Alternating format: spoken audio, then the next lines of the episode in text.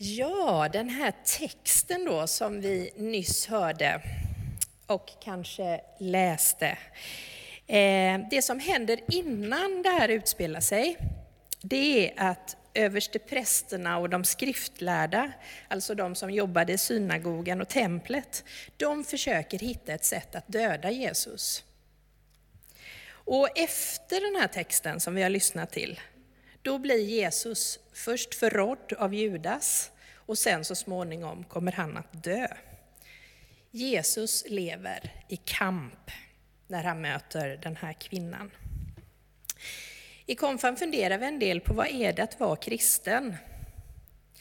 Ja, det är ju väldigt många olika saker. Men att följa Jesus gör ju inte att man får något annat liv än alla människor, andra människor på jorden. Man får ett liv med hopp och glädje, men också ett liv där det kan finnas kamp, både vad det gäller livet och vad det gäller tron. Förra söndagens predikan handlade om öken, och som ni har hört så handlade tisdagen om ökenpärlan. Tider i livet där det känns kämpigt.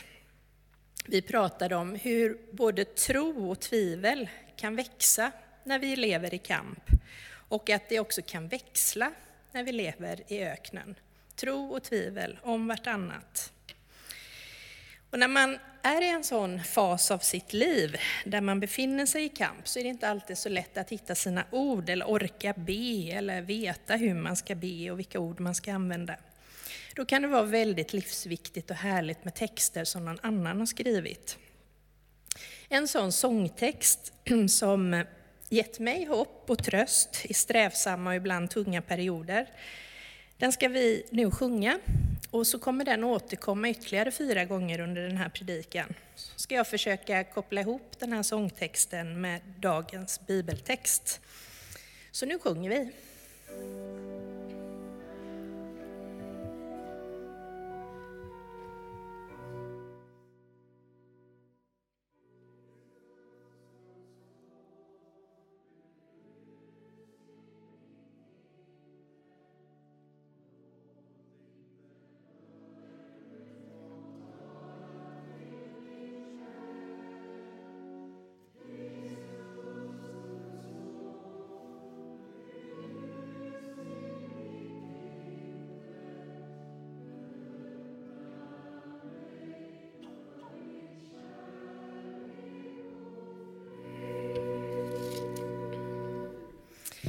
Ja, vi ska börja med de första tre orden. Jesus, Guds son. Idag i bibeltexten så är Jesus i Betania. Han är bjuden på middag hemma hos Simon den spetälske. Spetälske. Det var en sjukdom, en sjukdom som ansågs oren och man skulle helst inte träffa någon människa som hade spetälska för då trodde man på den här tiden att man själv skulle bli oren. Men vem den här Simon är, det berättar inte Markus som har skrivit det här evangeliet. Men man kan förmoda att han är en som Jesus har botat från sin spetälska. Och därför kan han igen vara tillsammans med människor och bjuda hem dem till sitt hem. Jesus gästar en syndare och rör vid en oren som hade spetälska.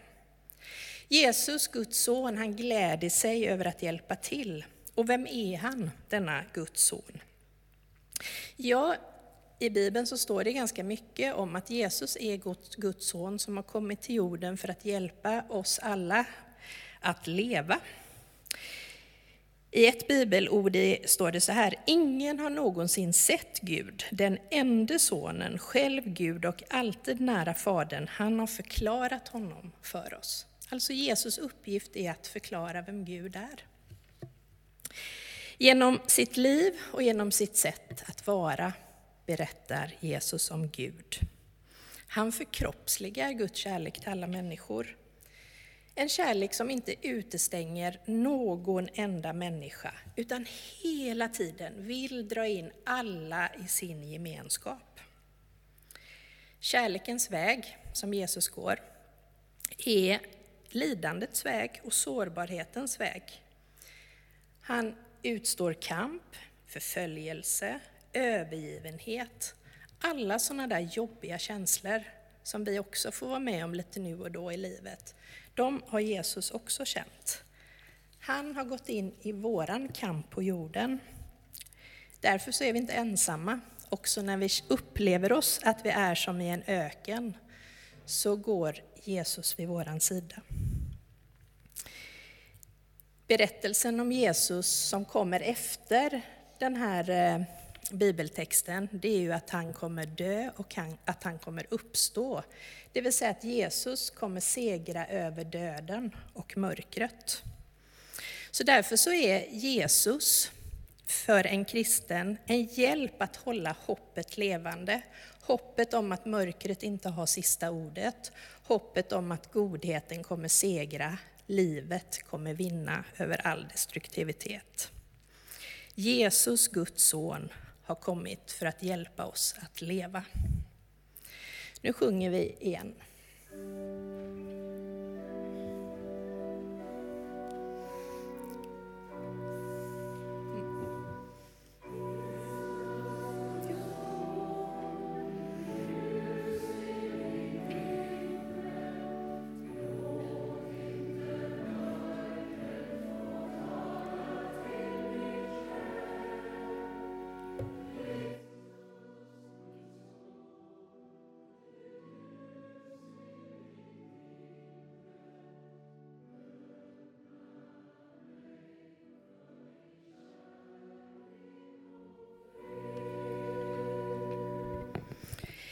Nu stryker vi under orden Du ljus i mitt inre.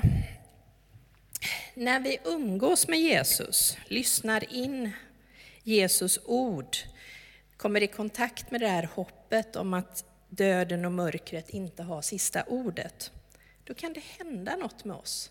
Att liksom evangeliet, ljuset, flyttar in i våran själ. Jesus, Guds son, du ljus i mitt inre. I Johannesevangeliet så säger Jesus så här om sig själv. Jag är världens ljus. Den som följer mig ska inte vandra i mörkret utan ha livets ljus.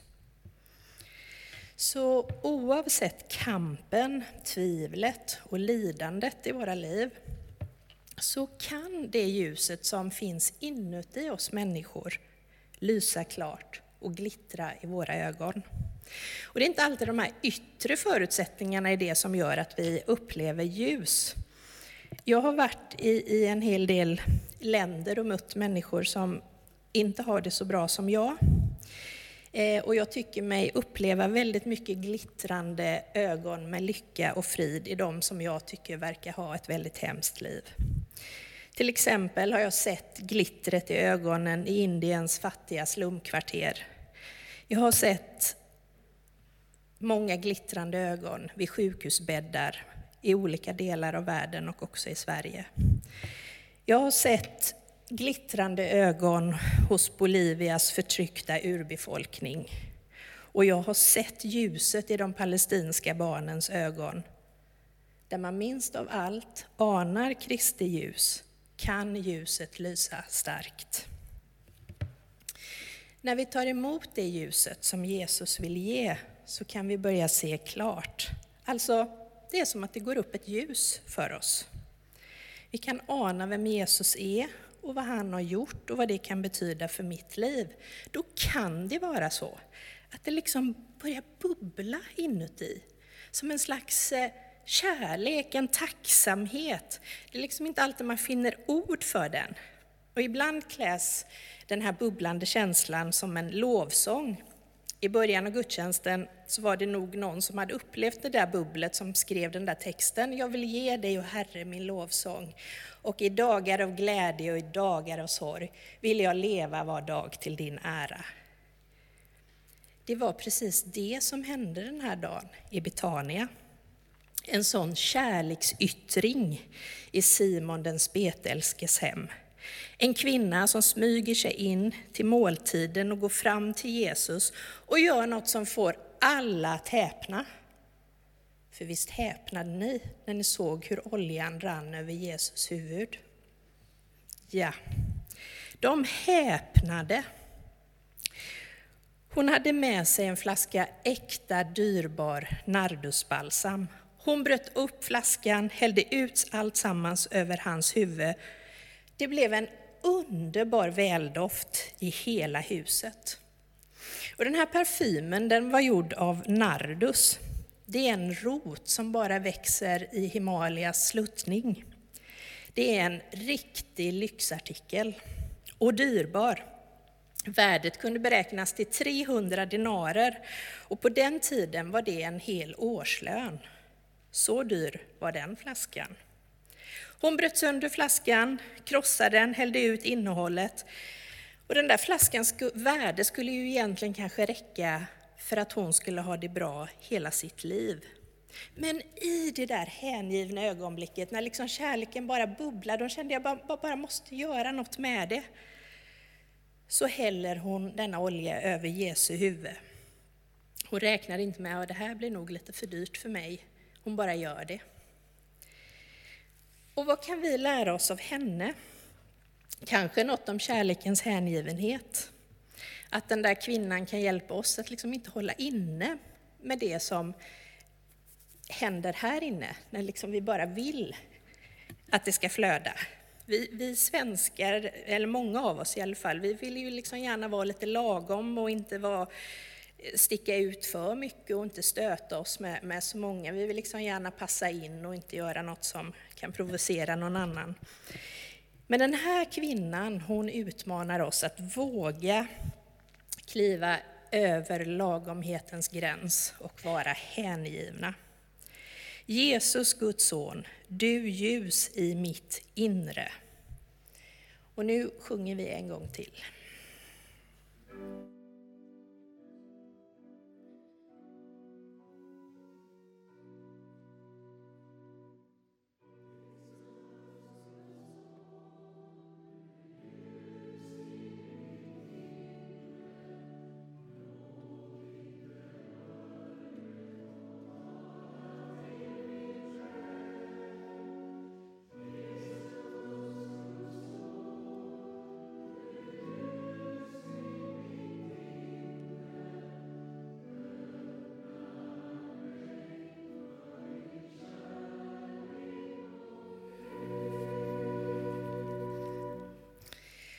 Och nu stannar vi upp vid orden Låt inte mörkret få tala till min själ.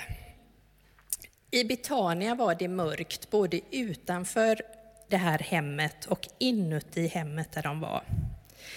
Om vi börjar med hur det var utanför. Där ser vi några med mörka blickar. Det står så här. Överste prästen och de skriftlärda sökte efter ett sätt att gripa honom med list och döda honom. Utanför de sammanhang vi har där tron får vara en del av livet kan det kanske också finnas människor som kan skratta åt vår tro eller bagatellisera den. Som vill döda vår hängivenhet, vår tro, vår lovsång. Det kan finnas sådana människor. Men det kan också handla om mörker som vi upplever genom orättfärdig kritik, att vi blir anklagade av saker som faktiskt inte är sanna när vi upplever att vår personlighet blir kränkt. Det kan också handla om att andra gör mot oss eller säger saker som gör att vi blir ledsna. Och många av oss kan känna hur mycket energi det går åt att hantera känslor när en enda har behandlat oss illa, när tusen har behandlat oss väl. Det suger energi. Vi kan behöva skydda oss själva från att fastna i onda och destruktiva saker som vi själva utsätts för av andra. Genom att be, låt inte mörkret få tala till min själ, utan låt ljuset tala. Mörkret finns också där inne i hemmet i Betania. Det blir reaktionen på Marias handlingar. Vilket slöseri! Många tyckte att hon hellre borde sälja flaskan och ge pengarna till de fattiga. Men var det egentligen de fattiga de brydde sig om? Vi vet ju förstås ingenting om vad som låg bakom deras agerande, men det var så tydligt att det fanns ett mörker där bland lärjungarna som, ville, som inte respekterade den här kvinnans sätt att tänka. Hon tänkte på ett annat sätt än vad lärjungarna tänkte. Men de respekterade henne inte, det står de grälade på henne istället. Låt inte mörkret få tala till min själ. Vi människor har alla möjlighet att göra det goda och det onda. Vi har möjlighet att välja mörker eller ljus. Och det är viktigt att ibland, det har vi också pratat om en del med konf i konfirmationen, att också se att vi själva kan göra fel, att vi själva kan vara egoistiska, och att vi, när vi ser det, kan försöka göra något åt det och söka hjälp hos Jesus. Söka skydd att inte fastna i destruktiva saker som vi kan utsätta andra för genom att vara oärliga eller genom falska motiv. Vi kan alla behöva ibland vända oss till Jesus och be Jesus, låt inte mörkret få tala till min själ. Så sjunger vi igen.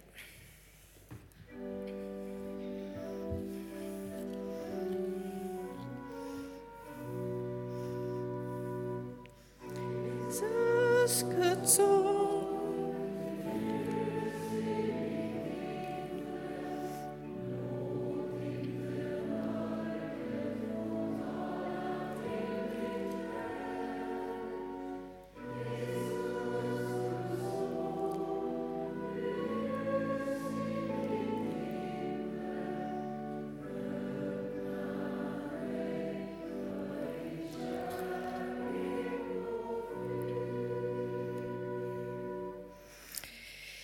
stannar vi vid den sista raden.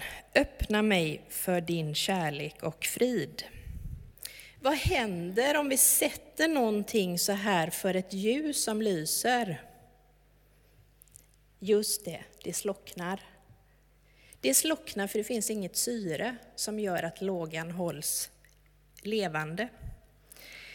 Jesus, Guds son, har kommit för att hjälpa oss att leva. Han kan öppna oss för sin kärlek och sin frid. Kärlekslöshet stänger till om oss, hindrar vårt ljus att fladdra. Strider, gräl, negativ urladdning klipper liksom kontakten med ljuskällan. Vi får det kallt och mörkt. Och människor omkring oss får det ju också kallt och mörkt om vi själva känner kyla och mörker. Jesus går nu rakt in i situationen vid Simon den spetälskes middagsbord och han säger Låt henne vara. Varför gör ni henne ledsen? Hon har gjort en god gärning mot mig. De fattiga har ni alltid hos er och de kan ni göra gott mot när ni vill, men mig har ni inte alltid. Hon har gjort vad hon kunde. I förväg har hon sörjt för att min kropp blev smord till begravningen. Det där är ju lite, lite märkliga ord, men låt oss stanna och försöka förstå vad han, han säger. Ja, först tänker jag så här spontant, när alla andra tänker illa om den där kvinnan så vänder Jesus det till något positivt.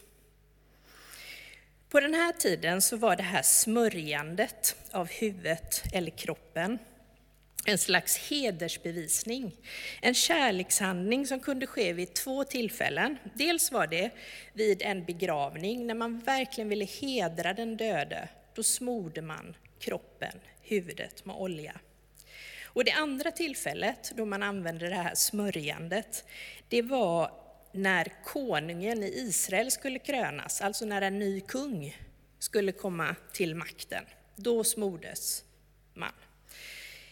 Så den här kvinnan, ja kanske hade hon sådana tankar att hon ville hylla och ära Jesus som Israels konung. Eh, Jesus han avvisar i alla fall inte den bekännelsen. Men han påminner om att Messias är en annorlunda kung som måste lida och dö. Kvinnans smörjelse eller smord, smord, hon små, små, smörjer honom, vad det nu heter. Eh, det blir liksom en invigning i den här sista delen av Jesus liv när han ska eh, kämpa mot mörkret och destruktiviteten. Eh, enligt judisk sed så kunde en dödsdömd som avrättas inte få en, sin kroppsmord till begravningen. Och vi vet ju att Jesus skulle bli dödsdömd, men hans kropp blev smord ändå. Alltså kvinnan gör en mycket god gärning mot Jesus. Eftersom smörjandet av en död, så som det var på den tiden, värderades långt mycket högre än att ge allmosor eller gåvor åt fattiga, för det kunde man ju alltid göra. Att smörja till en begravning, det var ju liksom en sån särskilt viktig sak. Ja, ibland så hamnar ju vi också i negativt laddade situationer. Människor omkring oss och vi själva blir ledsna och mår inte bra. Jesus kan öppna våra instängda liv för kärlek och frid. Han kan hjälpa oss att hantera gräl och strider och ge sin frid och att hjälpa oss leva frid. Det kan bli en väldoft omkring oss när vi får ta emot tröst och hopp. Så en bön att leva med såväl liksom vårt livs medgång och motgång kan vara just denna. Jesus, öppna mig för din kärlek och frid. Det som den här kvinnan gjorde har blivit till tröst och hopp för många med ett hängivet hjärta. För det Jesus säger om henne i texten är sannerligen överallt i världen där evangeliet förkunnas ska man också berätta vad hon gjorde och komma ihåg henne. Så till sist skulle frågan till oss kunna vara hur vill jag bli ihågkommen? Hur vill jag bli ihågkommen? Alltså, vore det inte en dröm om människor kunde säga om oss att de såg ljuset i vårt inre? Att de kände kärleken och friden när de mötte oss? Vore inte det en dröm? Att de såg ljuset och kände kärleken och friden när de mötte oss.